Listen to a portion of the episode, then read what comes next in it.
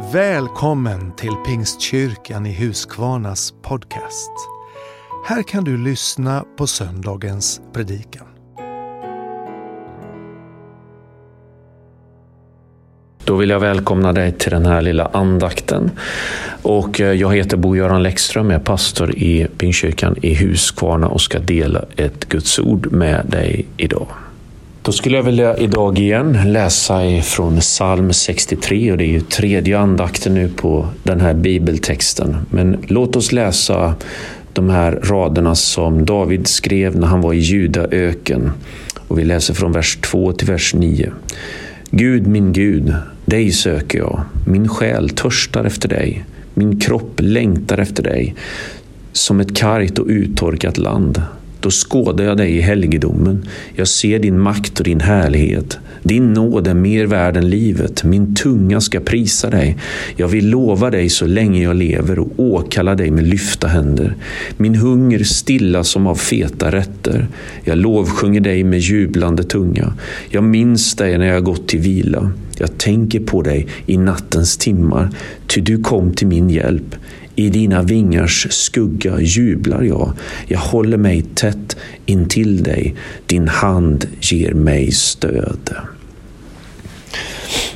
Här ger ju David uttryck för sin förtröstan på Gud, hans godhet, hans löften och hans omsorg.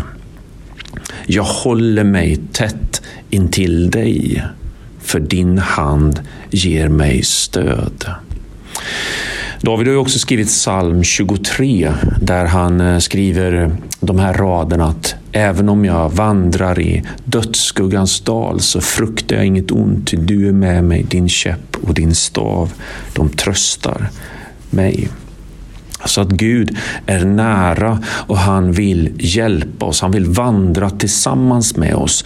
Jesus talar om anden som en hjälp, en hjälpare som kommer till vår assistans för att gå vid vår sida och vara med oss genom livet. Även i de här tuffa omständigheterna och svårigheterna så vill Gud vara nära. När David skriver de där eh, raderna om dödsskuggans dal så vet vi att det, det, han kanske syftar på den där dalen som längst ner där mellan bergssidorna så är det så mörkt att solen aldrig riktigt når in. Vi kan ana den när vi tittar upp på himlen men den kommer liksom aldrig ner i den där dalen. Eh, och det kan ha varit den där dödsskuggans dal.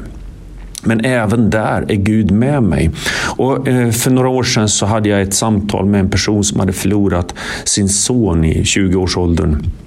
Och han berättade om hur den där tiden var efter detta. Och då eh, återkom han till den här texten och han sa att den fick liksom nytt liv för honom. För han pratade om församlingen och gemenskapen och människorna som fanns runt omkring. Och Det var som att Gud visade honom att när det står så i psalm 23 att din käpp och din stav ska trösta mig, så sa han den där käppen och den där staven, det var människorna som kom till min hjälp. Alltså som var sända av Gud för att vara den där käppen som jag kunde stödja mig mot. Den där staven som ledde mig lite vidare. För Det är faktiskt så att när David skriver denna så säger han att jag vandrar genom dödsskuggans dal. Han bygger inte bo. Han liksom, det är inte en permanent tillstånd utan det är en del utav livet. Och Det tror jag är väldigt viktigt att Gud leder oss också alltså genom dödsskuggans dal, men det finns en plats på andra sidan där vi kan få komma ut helskinnade. Men under det så är det också så att Gud vill använda oss och låta oss bli hans käpp och hans stav. Att vi får tröst av varandra och vi får vara Herrens utsända. Så när David säger jag håller mig tätt intill dig så handlar det också om att hålla sig tätt intill gemenskapen. För att Nya Testamentet har ju också perspektivet av att vi är Kristi kropp. Vi är ett, ett, ett folk. Vi är en kropp med olika lemmar och vi hör ihop. Så att hålla sig tätt intill Gud handlar också om att hålla sig faktiskt nära andra människor i en kristen gemenskap. Sen säger eh, David de här viktiga orden. Jag minns dig när jag gått i vila. Jag tänker på dig i nattens timmar. Och visst är det så att vi alla kan känna att det där när vi ska gå och lägga oss så börjar det mala i huvudet. Och kanske är det precis just då när vi är som minst produktiva, när vi inte liksom längre kan göra en massa saker åt de där tankarna. Då väller de fram därför att vi ska vila, vi ska lugna ner oss. Så kommer oron och smyger sig på. Och David hade upptäckt att om han överlämnar sin dag och sin natt till Gud när han går till sängs så gör det någonting med honom. Att han i Guds vingars skugga får liksom hitta sin tillflykt och sin vila.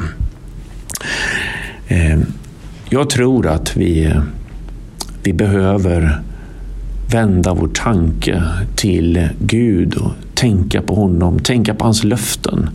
Bibeln säger att eh, Kristus är ett, är ja och amen till alla Guds löften och att det finns ett hopp om en framtid som vi kan få luta oss mot och som vi kan få tänka på och sätta vår tillit till även i livets mörka stunder. Så Idag så vill jag skicka med detta, den här utmaningen eller uppmaningen eller uppmuntran att vi ska hålla oss tätt intill honom för att hans hand ger oss stöd. Ska vi be tillsammans. Herre, så tackar jag dig för din godhet och din nåd. Tack för att du har lovat att vara med oss genom livets alla skeden och skiften.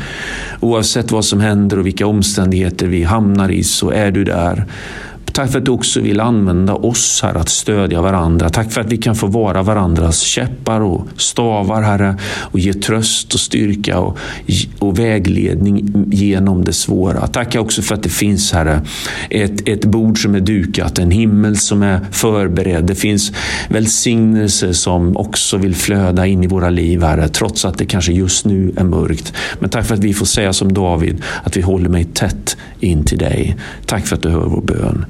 Amen.